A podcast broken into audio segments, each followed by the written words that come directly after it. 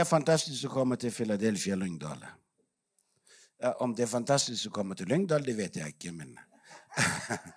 ikke misforstå meg, da, men, men, det er fantastisk å komme til Philadelphia Lyngdal. Og, og det mener jeg virkelig. Det er ikke politisk ment. Eller med evangelisttillegg. Men det er fantastisk. Eh, år efter år å komme tilbake og, og, få lov å være sammen med dere.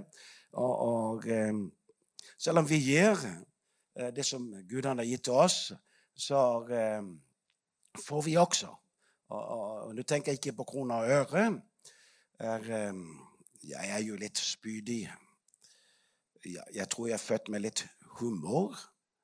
Altså, vi er veldig glad for norske kroner. Men dessverre, den senere tid, verdien av norske kroner er gått ned.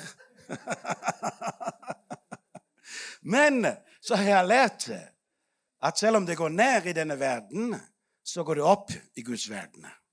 Selv om verdien i denne verden blir mindre, så er verdien i Gud blir alltid større.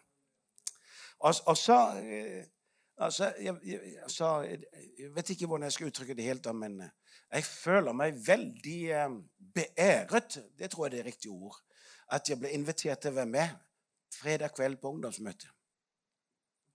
Er oldefar. Er ikke bare alene bestefar, eh, eh, svigerfar eh, og far, men jeg er oldefar. Jeg har tre oldebarn i Danmark. Og, og når, når, jeg, var på deres alder Oldefedre, de var noen gamle nisser. Men, men jeg, jeg synes det, det, er selvfølgelig litt utfordrende. Jeg, visst er det litt utfordrende, men det er veldig bra å få lov til å være sammen med yngre mennesker, for det smitter av. Og det mener jeg virkelig, altså. Og, og, og, og, det er fantastisk å være med på ungdomsmøter her på fredag kvelden. For dere som ikke har vært med noen gang, sett det. Det er fantastisk. De sluker Guds ord. Ja, de hopper og danser litt. Og, ja, det, men det må de vel ha lov til også, ikke sant? Ja, Jeg var med på ungdomsmøtet Philadelphia Vennesla også. Og, og når jeg kom inn, så, der, i trappa på der satt det en gutt med solbriller og, og hetta det hele. Jeg tenkte, Lurer på hvorfor han sitter der. Jeg visste ikke, kjente ikke noe til programmet. Tenkte, ja, men Det er ungdomsmøte, det er ok, da. Men når det så begynte, da, musikken kom på, det var sånn riktig bom-bom, bom-bom. Så han sprang opp, og en på den andre siden sprang opp, og de sprang jo frem og tilbake på plattformene. Vet du hva, Jeg hadde lyst til å springe opp. Jeg angrer på at jeg ikke gjorde det. altså. Neste år så kommer jeg til å gjøre det. Ja, absolutt. Og så kommer det å gjenta opp med sånne lange rør. Jeg vet ikke, visste, jeg kommer fra Afrika, jeg er oldefar, så jeg skjønte ikke hva de, hva de var for noen rør. da. Og også på et et givens eh, signal så skulle de gjøre et eller annet med rørene. da. Men det funka ikke for den ene. Det funka andre. Det var sånn sølvpapir og gullpapir som fløy ut i hele rommet. Og så måtte jeg hjelpe henne som var her, da, som ikke fikk det til. Og jeg satt der. Jeg ble sånn ildhullet i gullstøv fra himmelen, altså. så det var bare å si dere som er litt eldre, det er bra å komme på ungdomsmøte. Og, og, og, og, det var så bra fredag kveld hvor at eh, jeg tror halvdelen var her oppe og søkte Gud. Det, det lover godt for framtiden. Lover veldig godt for framtiden. Amen. Så dere som er litt yngre enn meg, men uh, betra ungdom betrakter litt eldre, uh, kom på ungdomsmøte. Kom på ungdomsmøte. Ja. ja jeg, uh, jeg husker når jeg var ung, da. vi gjorde også ting som de eldre ikke likte. Men uh, så har jeg jo lest historien at mine foreldre gjorde også ting som de eldre ikke likte den gang. Slik har det alltid vært. Alltid. Og ikke fordi jeg skal uh, preke om det i dag, men, men altså, min far da han var ung, så spilte han harmonika. dragspill. Trekkspill, sier man på norsk. ikke sant? Og du verden, det kunne man ikke den gang. Det var jo djevelens instrument, fikk han å vite. Djevelens instrument! Som om djevelen har skapt noe som helst. Trekkspillet til djevelens instrument. De tilba Gud og priste Gud med djevelens instrumenter. Det syns jeg er fantastisk. Og, og, og, og så når jeg vokste opp, så eh, eh, jeg spilte elektrisk gitar. Og det er lenge siden. Det var ingen i menighetene på Bornholm som hadde elektrisk gitar. Og du vet, de fikk jo bakover sveisen når jeg kom med elektrisk gitar. At de slapp meg til, det skjønner jeg ikke, men det gjorde de altså. Elektrisk gitar. Og så dannet jeg band. De, de, de ga, vi, vi, tok ikke navnet, men de ga oss navnet De unge brødre.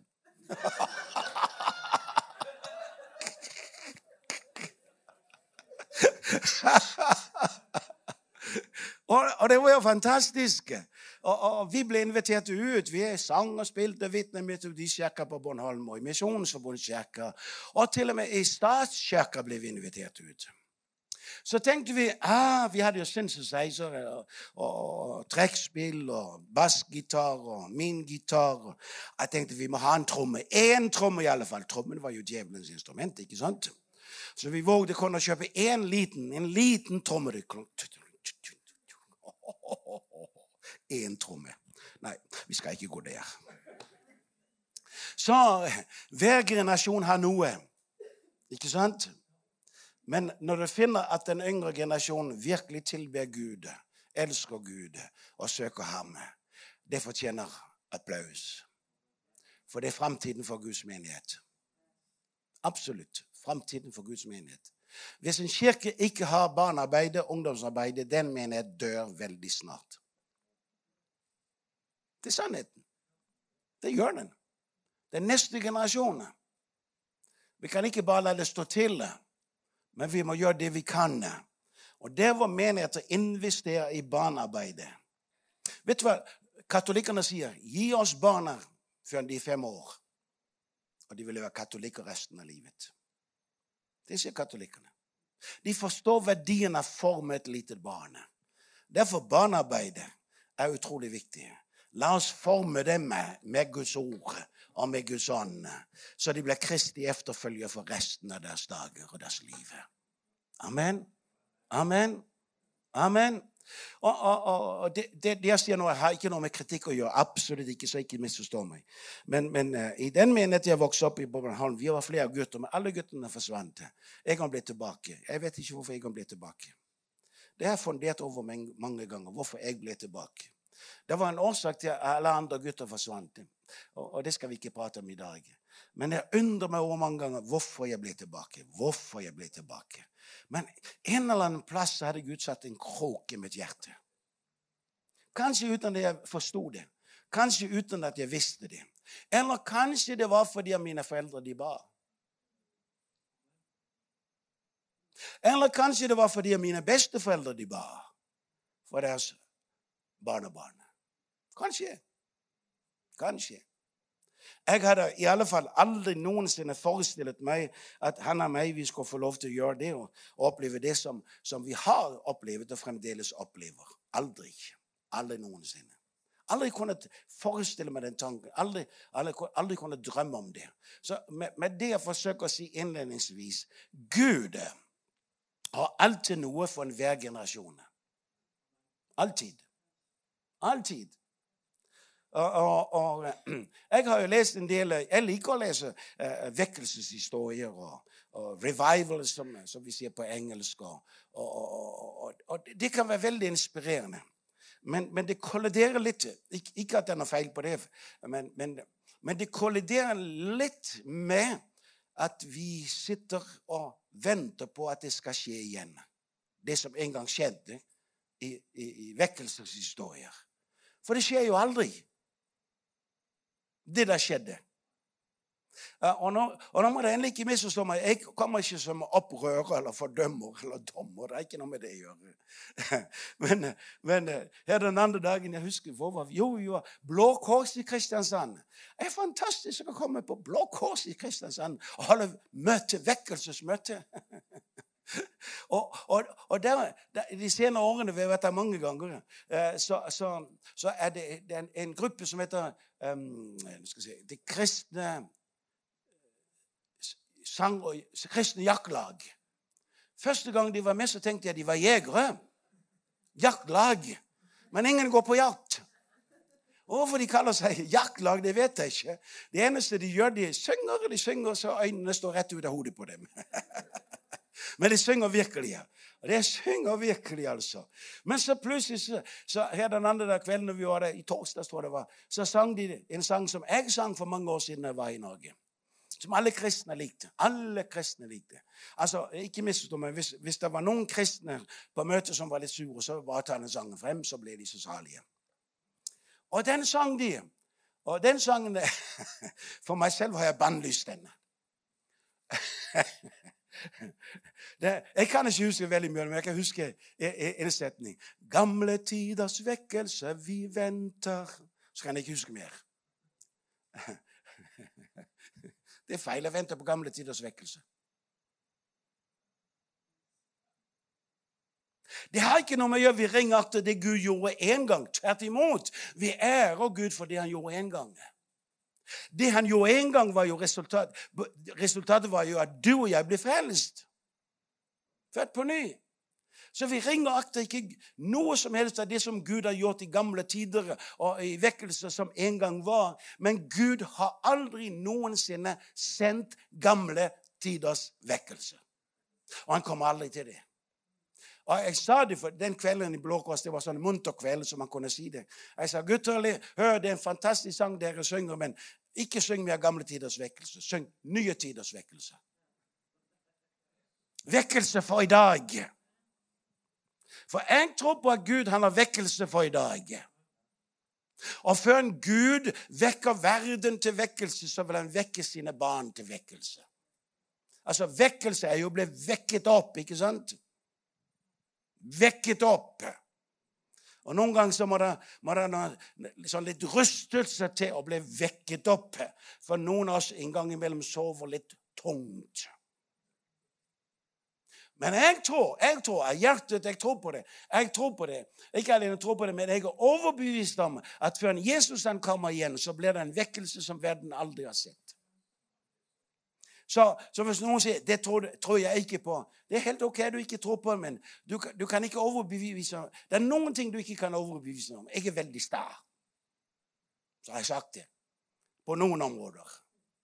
Men jeg er også veldig bly.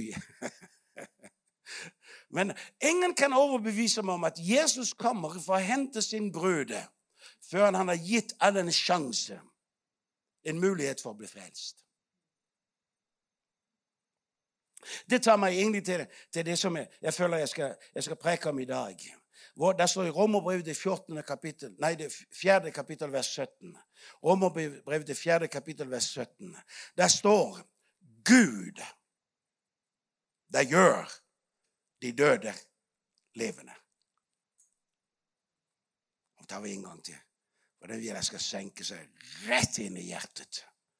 Gud, altså Gud, så spørsmålet hvilken Gud men vår Gud, Bibelens Gud. Det gjør de døde levende. Det, det tykker jeg er veldig sterkt. Ikke sant? Gud, det gjør de døde levende. Du kan lese om Det gamle testamentet, og du kan lese om Det nye testamentet. Jesus oppvakte noen døde, ikke sant? De var døde. Jesus døde selv, men sto opp ifra de døde. Hvis Jesus ikke sto opp ifra de døde, så ville korset ikke hjelpe oss noe som helst. Alle de lidelser Jesus gikk igjennom, ville ikke ha noen verdi for oss. Men nettopp fordi han vant over den siste fiende, døden, så har det verdi i dag. Hebreerbrevet 13. kapittel vers 8 vil ikke ha noen som helst betydning eller verdi for noen som helst på jordens overflate hvis Jesus ikke oppsto ifra de døde. Jesus er den samme i går og i dag og til evig tid. Den samme. Hvorfor? For han seiret over døden. Sto opp ifra de døde. Gud, det gjør de døde levende. Jeg har sikkert fortalt det tidligere. du vet, Når, man, når man har, eh, en menneske har tjent Gud, så er det noen vitnesbyrd, noen hendelser som brenner seg fast, og man glemmer andre. Og dem som brenner seg fast, dem glemmer man aldri. Men vi hadde for mange år siden nå en medarbeider som før han ble vår medarbeider, døde. Den tar vi tar den en gang til. Det er snart en del år siden nå. Eh, hadde vi en medarbeider, en tanzanianer, som før han ble vår medarbeider, døde. Det gjorde han. Kommer fra en landsby, fra en kristen familie, men veldig fattig. Han døde. Og man gjorde klart til å begrave ham. Og det, det, det er sånn Ja. Det, er ikke slik som i Norge. Man, man graver et hull, ikke sant? Og de var fattige, så er det ikke penger til kister. Og, og, og de, de, de, har sånne hvite klær, de kommer, kommer omkring liket. Og så legger de noe gras nede i bunnen av gravene. Og så la de ham ned i gravene. Og når, og når de begynte å skavle jorden over liket, så plutselig så hørte de en som sa 'Hatsjo!' Han nøs. Så fikk de ham ut av gravene. Og så ble han vår medarbeider. Jeg likte denne. Dead man walking. Så er det mange, det er mange, andre, mange, mange andre, eksempler og tilfeller hvor, hvor døde blir oppvakt. Hvorfor? Fordi det er den kraft i navnet Jesus. Fordi han selv vant over døden. Gud, der gjør de døde levende. Altså, Jesus han, han sier jo vi skal vekke opp de døde. ikke sant? Det finnes i Skriften. Jeg må helt ærlig innrømme, jeg har jo litt problemer med det selv. å Oppvekke de døde. ikke sant? Det er litt av en utfordring. Jeg må jo være helt ærlig, ikke sant? Men Jesus han har sagt det. Og det hender fremdeles. Det hender fremdeles. Gud som gjør de døde levende. For meg er det blitt slik at det ikke kun dem som er fysisk døde, at det dreier seg om. Men det kan være forhold i menneskers liv som er døde. Jeg vet ikke om dere skjønner meg, eh, hva jeg mener. Det kan være ting i kristnes liv, menneskers liv, som har vært veldig levende, men som er døde i dag. Eller for å bruke et ord, fordi vi er, jo, vi er jo kristne alle sammen, ikke sant? Eh, bruk et kristelig ord. Du, så noen ganger så kommer vi plasser, så, så spør vi etter noen, fordi de er ikke på møtet. Så sier de nei, dessverre, han er frafallen. Jeg tror ikke at folk utenfor kirkeveggene forstår ordet 'frafallen'. Men det betyr at han er fallet fra noe. Ikke sant? Han eller hun var en gang med. De opplevde Jesus ble frelst og født på ny og fulgt med Guds ånd og ba i tunger. Det var liv, det var liv, det var liv. Og så noen år etter så er det dødt. Ja, men det var langt borte nå. Det var en gang liv. Men det er ikke liv lenger. Det er dødt. Se, alt kan bli en vane. Det å være misjonær kan også bli en vane. For det er vårt liv. Vi lever det hver dag. Hver dag. Det kan bli en vane. Til og med det å preke kan bli en vane. Det kan. Jeg vet ikke om en god predikant er en dårlig predikant. Jeg bryr meg ikke. Så lenge jeg ser folk de blir frelst. Det er det absolutt det viktigste for meg. Jeg, jeg gjør mitt beste for å preke godt. Selvfølgelig gjør det. Når han går på kjøkkenet, så gjør han sitt beste for å lage god mat til meg. For jeg kan ikke koke. Men hun kan. Alle sammen tror jeg vi gjør vårt beste, men alt kan bli en vane. Og den gang jeg var i, i, i Det heter sivilforsvar den gang i Danmark. Eh, vi, var, vi, vi, hadde ikke noe valg. Vi, vi, ble tvunget. Jo, valget var å, gå, å sitte i fengsel dobbelt så lang tid som i militæret. Så Man er jo ikke dum. som altså, sitte to år i fengsel, det hadde jeg ikke lyst til. Så det tok ett år militæret. Så, så, så, hadde du noen valgmuligheter du kunne gå og få undervisning i. Eh, en av valgmulighetene var, det var at du kunne lære å tale offentlig. tenkte Jeg jeg er jo predikant, det var en god idé å lære å tale offentlig. Så, så jeg, jeg, gikk til det kurset. Og, og så, så kommer dagen for eksamen. Og, og, den, og der, der, satt jo læreren og dem som skulle bedømme henne. Og, det, det, var slik at det var en boks, og så var det noen, noen sedler i boksen. Og så skulle du ta en sedel uten å vite hva det sto. Og skulle du åpne sedelen, så sto der um, uh, Der sto et eller annet. Pilot eller whatever. Og så hadde du 15 minutter til å holde en tale på sparken. Uten forberedelse. Og vi fikk vite at uansett om du ikke hadde peiling på det å fly et fly, men du hadde lært hvordan du skulle innlede, og hvordan du skulle holde talen, og hvordan du skulle avslutte. Så selv om det var løgn, det gjorde ingenting. Det var ikke det man ble bedømt av. Man ble bedømt av om man hadde lært å holde en offentlig tale. Jeg husker ikke mitt emne, eh, men jeg holdt den talen. Og jeg besto. Jeg veldig godt. Det var bare én kritikk imot meg. Det var jeg bevegde meg for mye. Det måtte man ikke. Man skulle stå pent stille. Det har jeg aldri lært. For Gud har gjort det døde levende.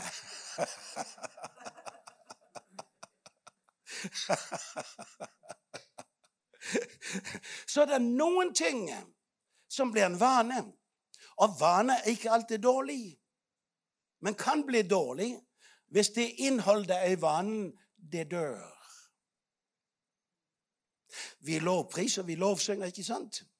Ingen må misforstå meg. Nå har jeg sagt det mange ganger eh, på forhånd før jeg sier noe. Ikke misforstå meg. Så Hvis du går inn og misforstår meg, så er det ikke mitt problem, men det er ditt problem. det kan bli en vane å lovprise.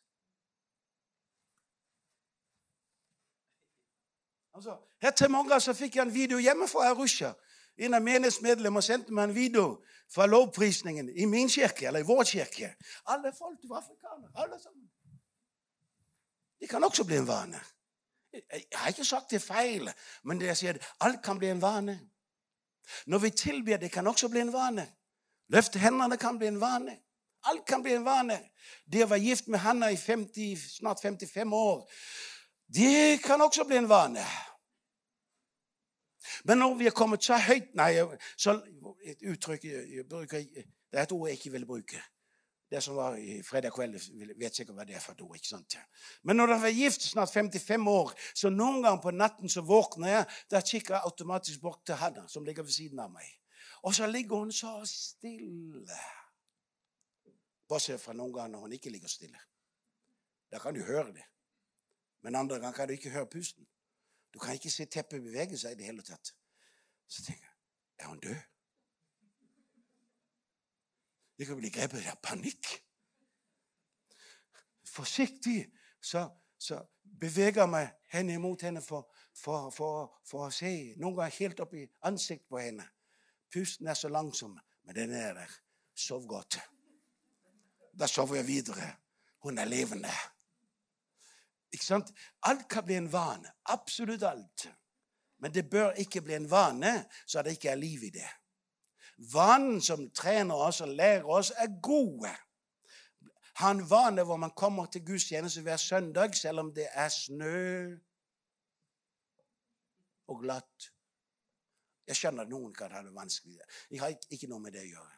Men den vanen å gå i Guds hus er en god vane den bør man holde fast ved. Ja, men det er noe annet på TV-en. Du du, du kan ha sånne de der, hva heter det, recorders. Du, du, kan oppta det, så kan du se senere. Du behøver ikke sitte der og se det akkurat. Det kan du gjøre etterpå. Altså, Det er vaner som er gode, som også er nødvendige i ens liv. Ikke sant? Ja, Dere annonserte bønnemøter. Eh, nå vet jeg ikke hvordan det er i Norge, men jeg har ikke jeg, Ikke si det til dem i Danmark, da. Det, det finnes sikkert noen menigheter som har bønnemøter. Men jeg har ikke sett noen annonsere når jeg er i Danmark man har bønnemøter lenger. Ja, men det er så kjedelig. Da man dør. Eller kanskje man skulle endre litt på formen av bønnemøtene, så det blir liv. Ikke sant? Eller som kristen be Altså, ikke, nå, nå, sier jeg det, ikke misforstå meg. Min, min svigerfar han er gått hjem til himmelen for lenge siden. En riktig sånn staut jyde. Sta. Hør du verden. Hver eneste kveld så holdt han andakt. Så vi andre falt i søvne. Han pratet så langsomt. Og så leste han Det gamle testamentet. Og når han kom til slektregistrene, da gikk det også langsomt. Han stavet seg gjennom navnene. Og til sist skulle han be, så ba han samme bønnen som i går. Og i går så ba han samme bønnen som dagen før. Det var blitt en vane, men en eller annen plass så var det en god vane. Ikke sant? Men det må være liv i våre vaner. For ellers så kan det bringe død. Eller en, en, en, noe man støtter seg til som kun er en vane. Gud, der gjør de døde levende. Det kan være ting i vårt åndelige liv som har gått dødt, men Gud ønsker å gjøre det levende igjen. Det å lese Bibelen er en god vane. Kanskje ikke skulle si det. For Jeg ønsker ikke noen skal gå hjem med dårlig samvittighet. Men der spiser vi i hvert fall tre ganger i døgnet i Norge. De fleste av dere. Ikke sant? Det gjør jeg også. Og når man er i Norge, så spiser man innimellom også, for det er for mye godt man kan kjøpe. Ikke sant? Men vi spiser for å overleve. Vi spiser for å leve. Åndelig må vi spise Guds ord for å leve åndelig. Og ikke kan lese Guds ord, men studere Guds ord. Ha fellesskap med Gud i Hans ord. Noen ganger når jeg leser min bibel, jeg får bare lest én setning, og så sitter jeg en halvtime. For Gud taler til min ånd og til mitt hjerte gjennom den ene setning. Jeg har fellesskap med ham. Plutselig blir det liv gjennom hans ord. Amen. Og nå er, noen ganger Det står jo faktisk i en av salmene at Gud gir, til, Gud gir det til sin venn i søvne. Ikke sant? Så jeg sover mye. Nei, det passer ikke. Men jeg har opplevd de senere årene Om det her med, med, med år og gjøre, det vet jeg ikke. Men noen ganger så våkner jeg på nattene. Og det er ofte i forbindelse med at jeg skal ut og preke, jeg skal ha et møte en eller annen plass. Og liksom, Du arbeider med det. 'Gud, hva vil du jeg skal si? Hvordan skal jeg forberede meg?' osv. Og, så videre, og, og noen ganger så er det fordi jeg kan ikke riktig finne det. Så våkner jeg midt på natten, og preken den er klar. Den er på lystavler. På hjertets tavle. Hvorfor? Fordi det er tegn på livet. Det er ennå ikke dødt. Men det som er dødt i vårt liv, ønsker Gud å gi nytt liv igjen. Ny pust, ny kraft. Det neste det står her, det er 'kall på det det ikke er til'. Altså, Gud kaller på det det ikke er til, så det blir til. Det som ikke er der. Og det har jeg virkelig tenkt mye på og studert også. Det er ikke, det finnes ikke. Men Gud kalte på det. Når Gud skapte universet, skapte allting, det var intet, det var øde, det var tomt. Når vi bygger en bygning, så bygger vi ut av materialer som allerede finnes i jorden. ikke sant? Det finnes. Men når Gud skapte, så talte han et ord, og så ble det til. Det samme ordet har vi fått. Guds ord. Gud som gjør de døde levende. Døde forhold kan bli levende. Gud kaller på det det ikke er til, så det blir til. Så sier Skriften også at i vår ord, i vår munn, er det liv eller død. Velsignelse eller forbannelse. Så det du taler, kan bringe død eller liv. Amen. Amen. Så jeg preker jo veldig mye. Og mest i Afrika på mine møtekampanjer. Hvor det er titusenvis av mennesker. Jeg kjenner ikke de folk.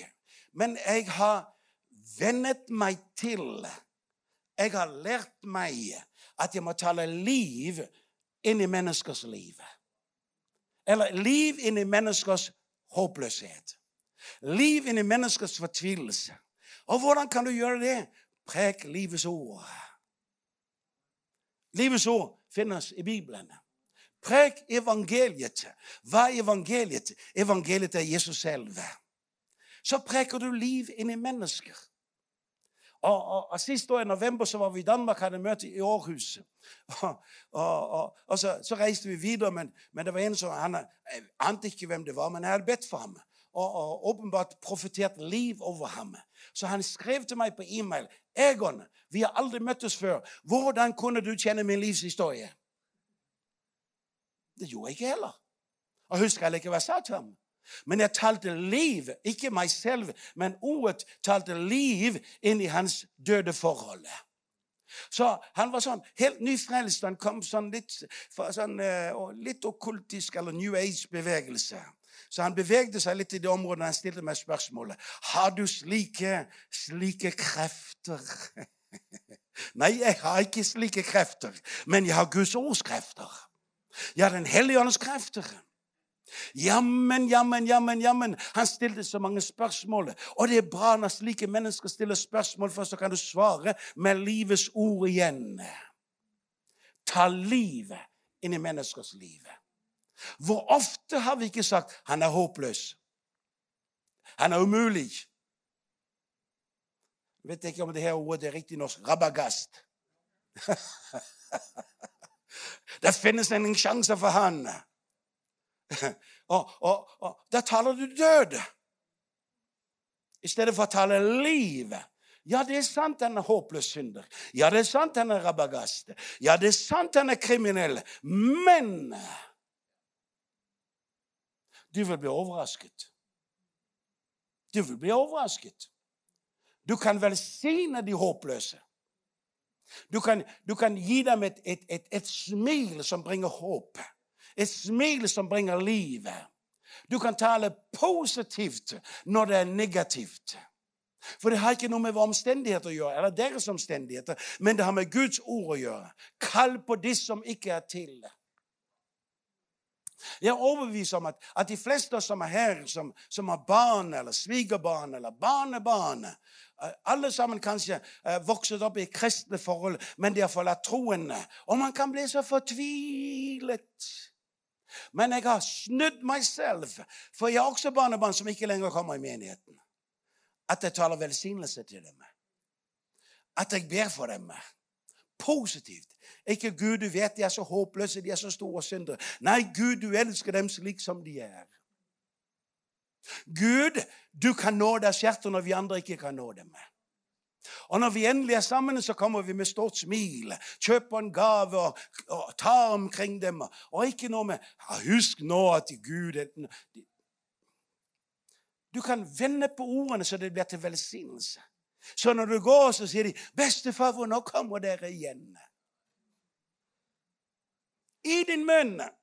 Fordi du har livet, kan du tale livet. Inntil de som er dødt, og til dem som er døde åndelige. Gud kaller på de som ikke er til, så det blir til.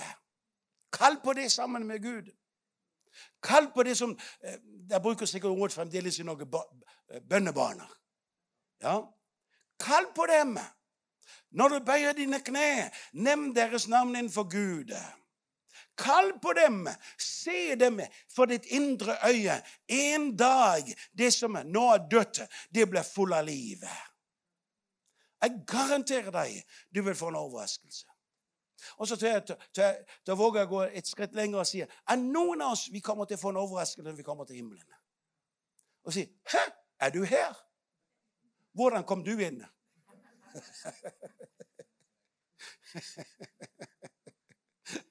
Kall på de som ikke er til, for det gjør Gud. La meg nevne et, et, et, eksempel fra Afrika. Han og meg var, vi, Rett før jul så var vi i Bujumbura, eh, Burundi. Eh, vi har hatt mange flyktninger fra Burundi og Tanzania pga. krig. Flyktningleirer. Vi har vært stort sett gjennom alle sammen og prekt for dem. Det er noe yngre, yngre Ja, han er veldig jeg, Hvor gammel er jeg? 40? Ok, 40 år gammel. Oppsøk oss. Må ha hjelp. Så vi tar det over for å undersøke hva er det for noe. Jeg er født i en kristen familie, inn i en pentecostal pinsefamilie.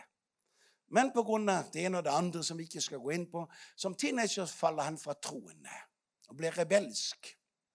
Foreldrene flykter på et tidspunkt, og De ender opp i Amerika. Erik blir fremdeles boende i Burundi. Og når han er voksen ung mann, så møter han evangeliet på ny og blir frelst. Kommer med en annen menighet. I den menigheten lærer han Guds ord og kjenner, vokser åndelig og føler at Gud kaller ham til tjeneste. Han deler det med sin pastor, men pastoren er litt sløv. Eller hvordan jeg skal bruke. Han var litt sånn mm, Erik kan, nei, Gud kan vel ikke bruke Erik. Sant? Alle sammen har vi sikkert noen som nei, Gud kan ikke bruke han. der. Han har stort skjegg. Eller han har langt hår. Eller han har tatoveringer. Bare si 'jeg har ingen tatoveringer, skal heller ikke ha'. Altså, noen av dem ser forferdelige ut. Det er min personlige mening. Men jeg tror når noen kristne som har tatoveringer på oppstandelsesmorgen når de får et nytt legeme, så er det uten tatoveringer.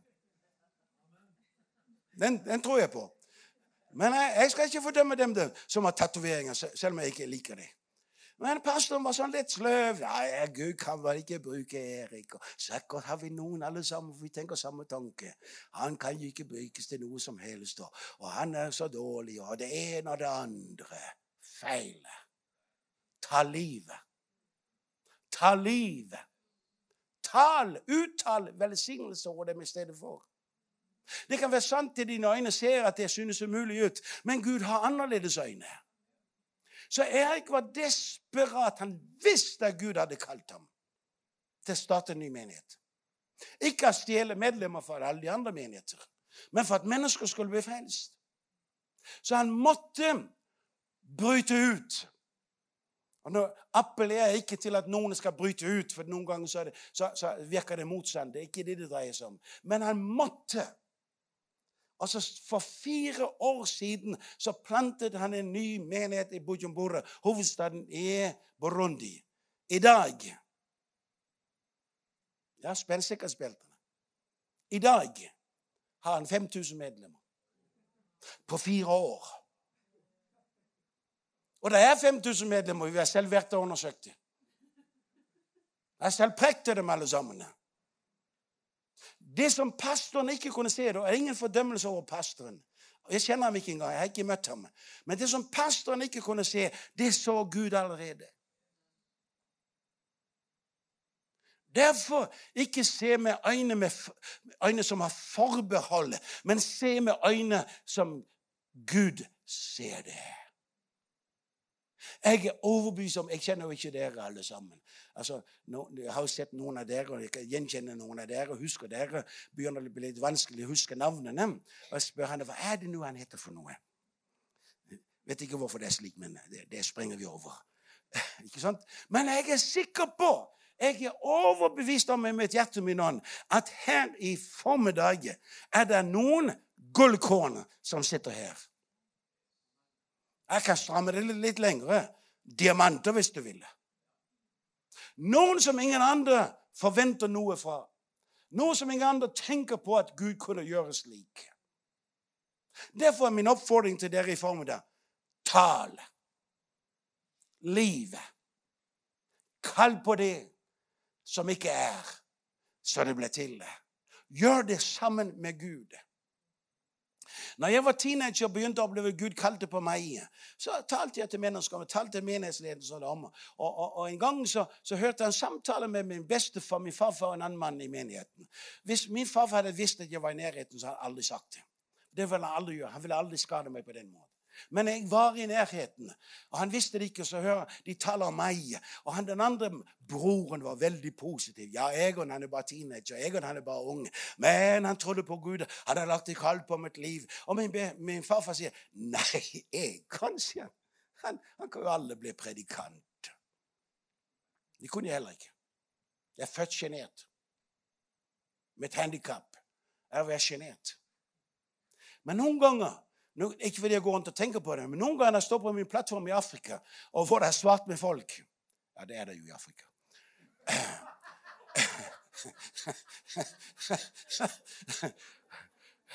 Og de tusenvis av mennesker de gir deres liv til Jesus. Så er det noen ganger jeg kikker opp på himmelen og sier, 'Bestefar!'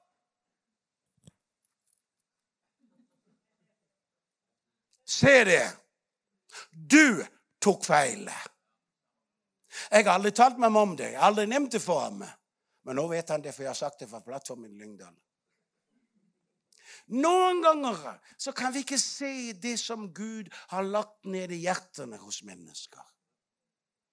Derfor skal vi tale velsignelse og ikke forbannelse. Vi skal tale håp og ikke håpløshet. Vi skal tale liv og ikke døde. For Gud gjør de døde levende.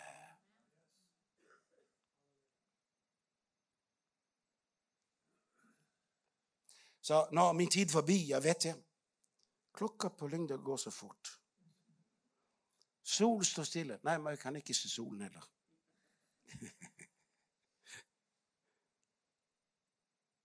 Kall på det i dine bønner. Kall på det når du prater med din ektefelle. Kall på det. La det bli en virkelighet for deg. Nå er det ikke et ekteskapsseminar, men uh, to mennesker møtes, mann og en kvinne, hvilket er det bibelske mønster.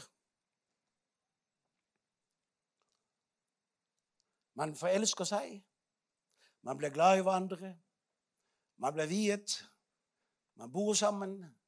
Oftest er det to motsetninger. Han og jeg er i hvert fall motsetninger. Og helt ærlig, ut ifra de motsetningene så skulle vi ikke være gift i dag. Det skulle vi ikke. Han kommer fra Jyllandet. Jydene de har store støvler på. Planter godt i moljordene. Jeg kommer fra fiskerfamilien på Bornholm. Vi følger vinden i seilene. Motsetninger til tusen. Hans foreldre de var indremisjonsfolk. Mine Da må jeg ta mine besteforeldre. Eh, jeg ser bestefar. Han var syvende dags adventist. Motsetninger. Motsetninger. Motsetninger. Men så møttes vi. Vi møttes på en ungdomsleir på kvelden. Jeg var ikke med, men han var med på Bornholm. Jeg visste ikke hvem han var, men jeg kikket på jenter den gangen. Ja, gutterne gjør det. Ikke sant? Ja. Hvilket er naturlig. Åpne øynene, ikke lukk øynene. Se, sier Gud, nå gjør jeg noe nytt. Og så så jeg henne. Og med en gang jeg så henne, så var det hm, Her inne, her inne, her inne. Jeg pratet ikke til henne. Jeg så henne neste kvelden. Og Siste kveld, det var søndag kveld, hadde ikke pratet til henne ennå. Hadde bare sett på henne, hun hadde sett på meg. Og, og, vi, og, og så tenkte jeg ah, hun kommer fra Jylland. Og Den gang tok de ferie på natten. Det var klokka tolv på kvelden. Og Over til København og så toget videre. Det var før mobiltelefoner, gutter. Det var før e-mails. Så jeg tenkte hvis hun drar, jeg finner henne aldri igjen. Hvordan skal jeg gjøre det? Møtet sluttet. Jeg husker ingenting av møtet. Jeg kikket på henne, og tenkte hun kikket på meg. Og så gjorde jeg slik med hodet mot utgangsdøren. Jeg snudde, og jeg gikk ut. Ut på gata, rundt hjørnet. Plutselig så var det en engel som tok meg i handa. Du der. Og det gjør han fremdeles. 1965, den 1. august, sånn 10.30 sånn cirka på kvelden. Motsetninger. Motsetninger. Overbevist om at Gud førte oss sammen. Og selv om overbevisningen var så dyp, så er det fremdeles motsetninger. Så menneskelig sett, menneskelig sett skulle det ikke være mulig å holde sammen i 55 år i et ekteskap. Skulle ikke være. Skulle ikke være mulig. Men vi henger sammen allikevel. Allikevel. Hvorfor? Fordi vi taler kjærlighet. Vi taler livet. Ble jeg sur noen ganger? Hender, det sa jeg den andre dagen, men vil ikke være men det hender allikevel. Men, men, da må jeg omvende meg og tale liv, tale kjærlighet. Og, og, og, og, du må si 'Jeg elsker deg'. I går han tilgir meg, å si det, hun liker ikke å si det, men i går så nevnte jeg det. Og når vi kom ut på rommet, så, så ser hun på meg og så sier hun, 'Egon, jeg elsker deg'.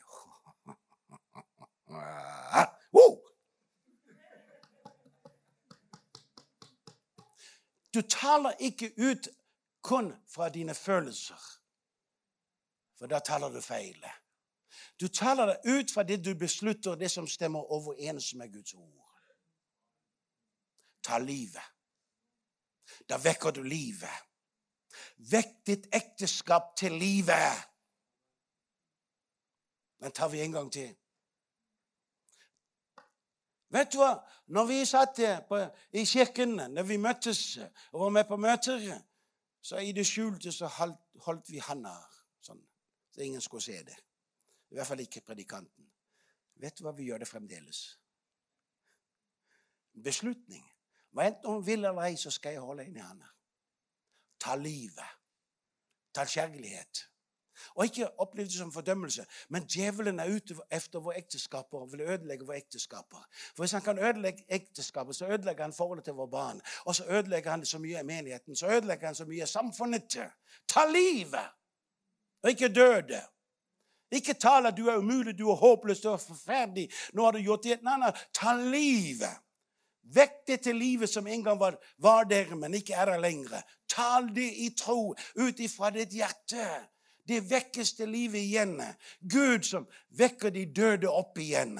Gud som gjør det døde levende. Gud som nevner det som ikke er, som om det var.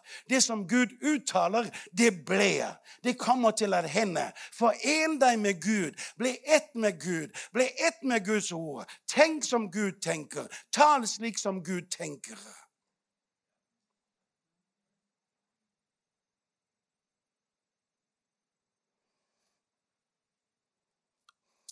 Vi har tre barn. To døtre. Midt imellom en sønn. Vi elsker dem alle tre. Ruben Jeg må ikke si det til ham, da. Ruben er en tøff gutting. Og det er bra på mange måter. Bra på mange måter. Men det med uttrykket sånn 'Jeg elsker deg, far', det er ikke mannlig for ham. Men jeg har bestemt meg til Hver gang jeg ser Ruben, så skal han ha skikkelig krem. Han er stor og større enn meg. Men, men, men, men, men, men. Han får en klem hva enten han vil eller ei. Og noen ganger så kysser han på hans skjeggstubbete kinn. Han er min gutt. Han er min sønn. Han elsker Gud og tjener Gud med hele sitt liv. Han er til velsignelse. Og jeg sier til ham 'Ruben, jeg elsker deg'. Jeg skriver 'Ruben, jeg elsker deg'. Og, noen ganger mm, Men nå i det seneste, så når Ruben skriver til pappa, så slutter han 'Pappa, jeg elsker deg'. Det du så, det høster du igjen. Når han skriver til mamma, så skriver han ofte 'Mamma, jeg elsker deg'. Det er litt lettere for sønnen å si det til mamma enn sønnen å si det til far. Du kan være en tøffing, og Gud kan bruke det at du er tøff. Han kan bruke det veldig mye, men samtidig kjærligheten. Fordi Gud elsker oss. Jeg vet ikke om jeg tør å gå videre, for nå skal jeg slutte. da. Men det er så mye vi skal uttale. Jeg er vokst opp i menighet. Jeg lever i menighet. Siden de var helt unge, så har jeg tjent Gud. Vært 50 år i Tanzania nå. I år er det jubileumsåret. Jeg har også gått hjem fra møter. Og jeg har også min hjemmenighet. Er det noen som har opplevd splittelse? Ikke misforstå meg, nå har jeg sagt det vet jeg mange ganger.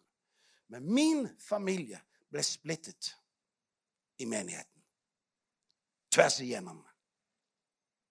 Skulle aldri hendt. Jeg var glad. Jeg reiste et år før det skjedde. Jeg flyttet. For et år senere Jeg har ikke noe med å gjøre. Så hendte det. Splittelse. Vet du hva? Det er djevelens verk. Det er ikke Guds verk. Vi kan komme til det punkt hvor vi skiller veier, hvilket er naturlig å gjøre det fred og kjærlighet. For Gud vil noe mer. Et stort tre har også mange røtter, ikke sant? Men splittelse er en forbannelse. Splittelse dreper livet. Splittelse gjør at mange mennesker mister deres forhold til Gud. Aldri engasjer deg i splittelse.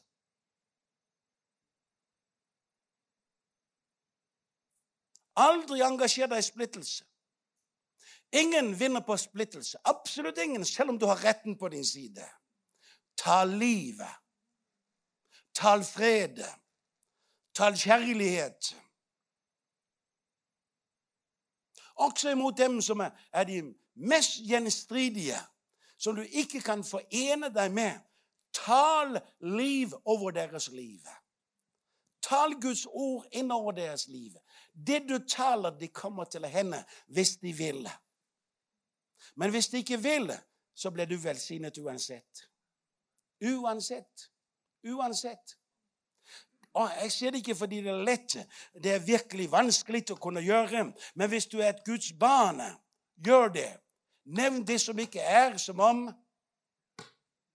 det er.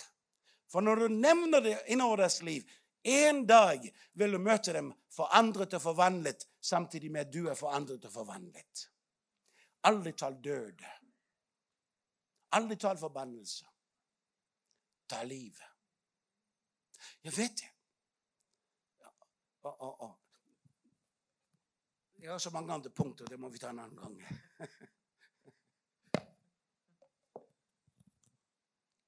På 90-tallet i Tanzania, det muslimske lederskapet i landet, uttalte jihad against me, imot meg. Jihad betyr hvis en muslim slår meg i hjel, så blir han velsignet. Om han dør samtidig med at jeg blir slått i hjel, så kommer han til paradiset og får 72, eh, det er dansk, 72 jomfruer. Det sier Koranen. Det er usant. Det er løgn. Folk tror på det. Folk vil utføre den handlingen. Og, og, og det, er ikke, det, er ikke, fordi det er lett å bli truet på livet. Men jeg har ikke endret på noe som helst når det kommer til å holde mine møtekampanjer. Tvert imot. Jeg kunne forsvare meg selv. Jeg har aldri forsvart meg selv.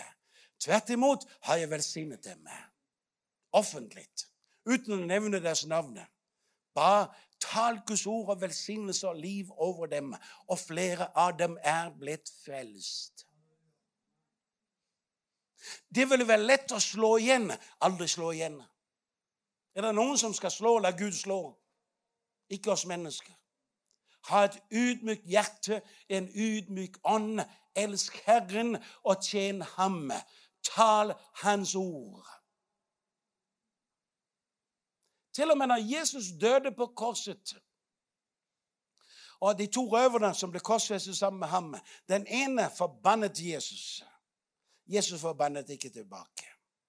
Tvert imot, han som ba om en tanke, han ba kun om en tanke. Han visste det var mulig. Han var dømt rettferdig efter hans livs handlinger. Jesus, kom meg i hu i ditt paradis, sier Jesus. Nei, nei, du, deg, nei, aldri om du får plass i paradiset.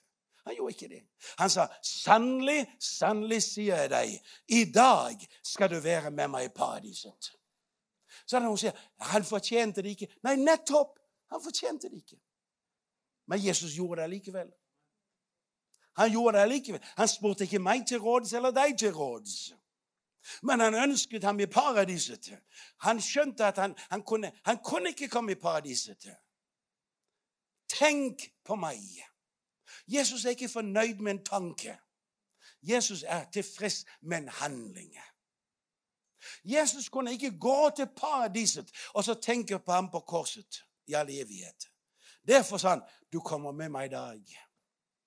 Jeg er redd for at noen ikke kommer til paradiset. Og da tenker jeg ikke på de ikke-kristne, men til og med noen kristne. Hvor at dette livet er blitt dødt og fullt av kritikk og fordømmelse imot alt og alle. Det er lett for meg å bli fulgt med kritikk når jeg kommer til den vestlige verden. Ha! Det tar ikke 30 sekunder engang. Jeg blir fulgt med kritikk. Jeg kommer fra en annerledes kultur. Så lett å kritisere. Men Jesus kritiserer aldri. Aldri. Han taler livet. Han taler livet. I livet finnes det kun sånn kritikk. Sånn kritikk er beskyttende og vernende og oppbyggende. Og jeg tror på før Jesus kommer igjen, så blir det en annen Guds menighet. Vi er ikke fullkomne, men vi er kommet lengre. Hvor vi kan romme enda mer av det liv som Gud vil bringe til oss. Hva ville du gjøre på Lyngdal? Nå vet jeg ikke hvor mange mennesker det bor. altså. I Bujumbura det bor mange millioner. Men hva ville du gjøre hvis du plutselig over fire år hadde 5000 nye mennesker?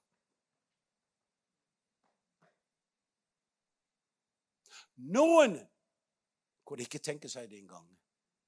Det er for besværlig. Det er ikke en velsignende tanke. Det er ikke livets tanke. For når Gud kommer og gjør noe nytt, så er det aldri behagelig. Aldri. Det koster alltid mer å bryte ut av den boksen man har vennet seg til. At det kan jo ikke la seg gjøre. Og så plutselig så gjør Gud det allikevel. Erik i Bujumbura, han sa til meg Egon, Gud han har gjort det. Og nå har jeg så mange dyktige medarbeidere. Jeg ønsker å være misjonær som du.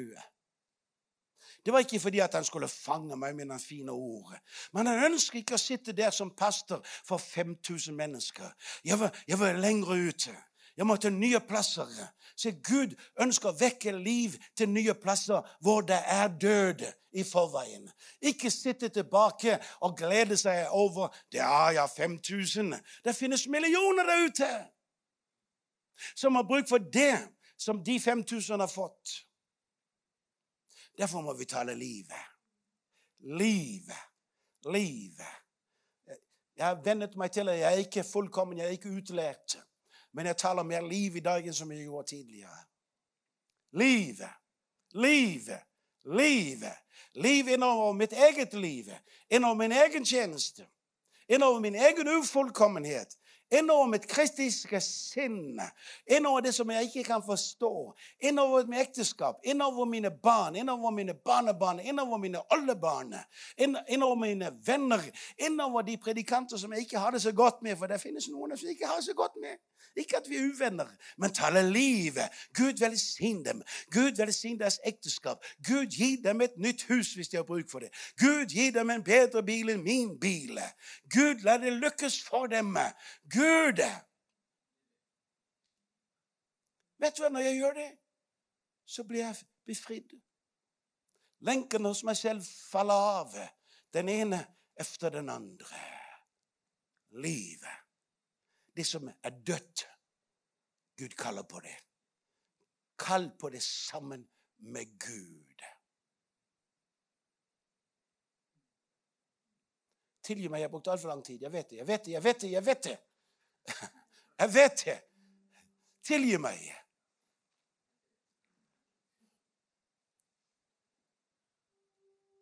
For vel to år siden så fikk jeg et nytt liv.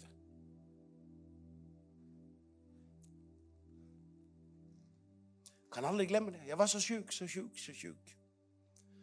Demonene angrep meg om natten på, i sykehusrommet. Jeg så dem, jeg hørte dem. De lo av meg. Du helbredelsesmisjonær, helbredelsespredikant. Nå dør du selv.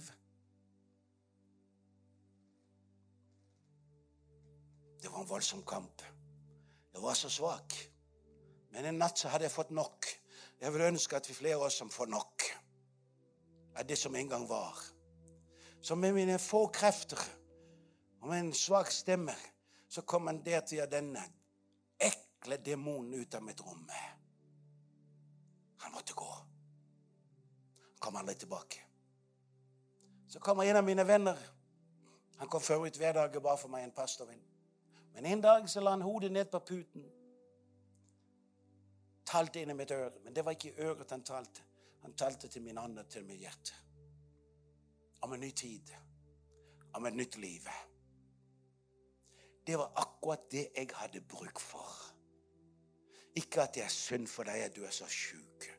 Å, jeg har medfølelse med deg, at du er så dårlig.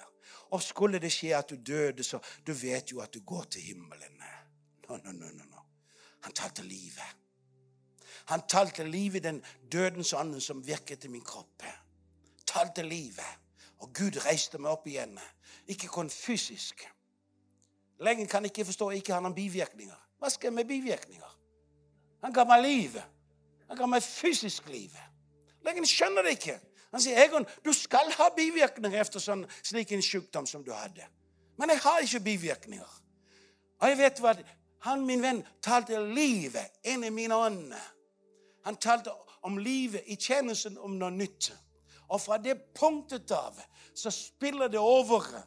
Jeg har ikke tid nok. Det er ikke nok måneder i året. Jeg får nye budskap. Jeg, ta livet! Kjære venner, ta livet! Når det dødelige ble vekket opp, til et nytt liv. Skal vi stå opp og be sammen nå i Jesu navn? Jesus, deg alene. Deg alene vi bekjenner som vår frelser og vår Herre. Du Guds Helligånd alene. Tror på du har brakt oss sammen denne formiddag. Også i et selskap hvor vi tilber deg, vi opphøyer deg og ærer deg.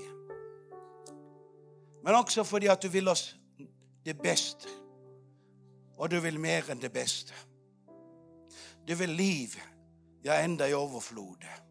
For det sa du. Jeg ber om at hvis noen opplever noen som helst form for fordømmelse, at denne fordømmelsen nå ble fjernet under Jesu blod. Du kom ikke for å fordømme noen av oss. Og jeg fordømmer ingen. Ved meg hvis jeg fordømmer noen. Gud, hjelp meg å forme mine ord rett, så at det ikke er fordømmelse, men det er liv. Overordnet liv. Du som kaller på det som ikke er.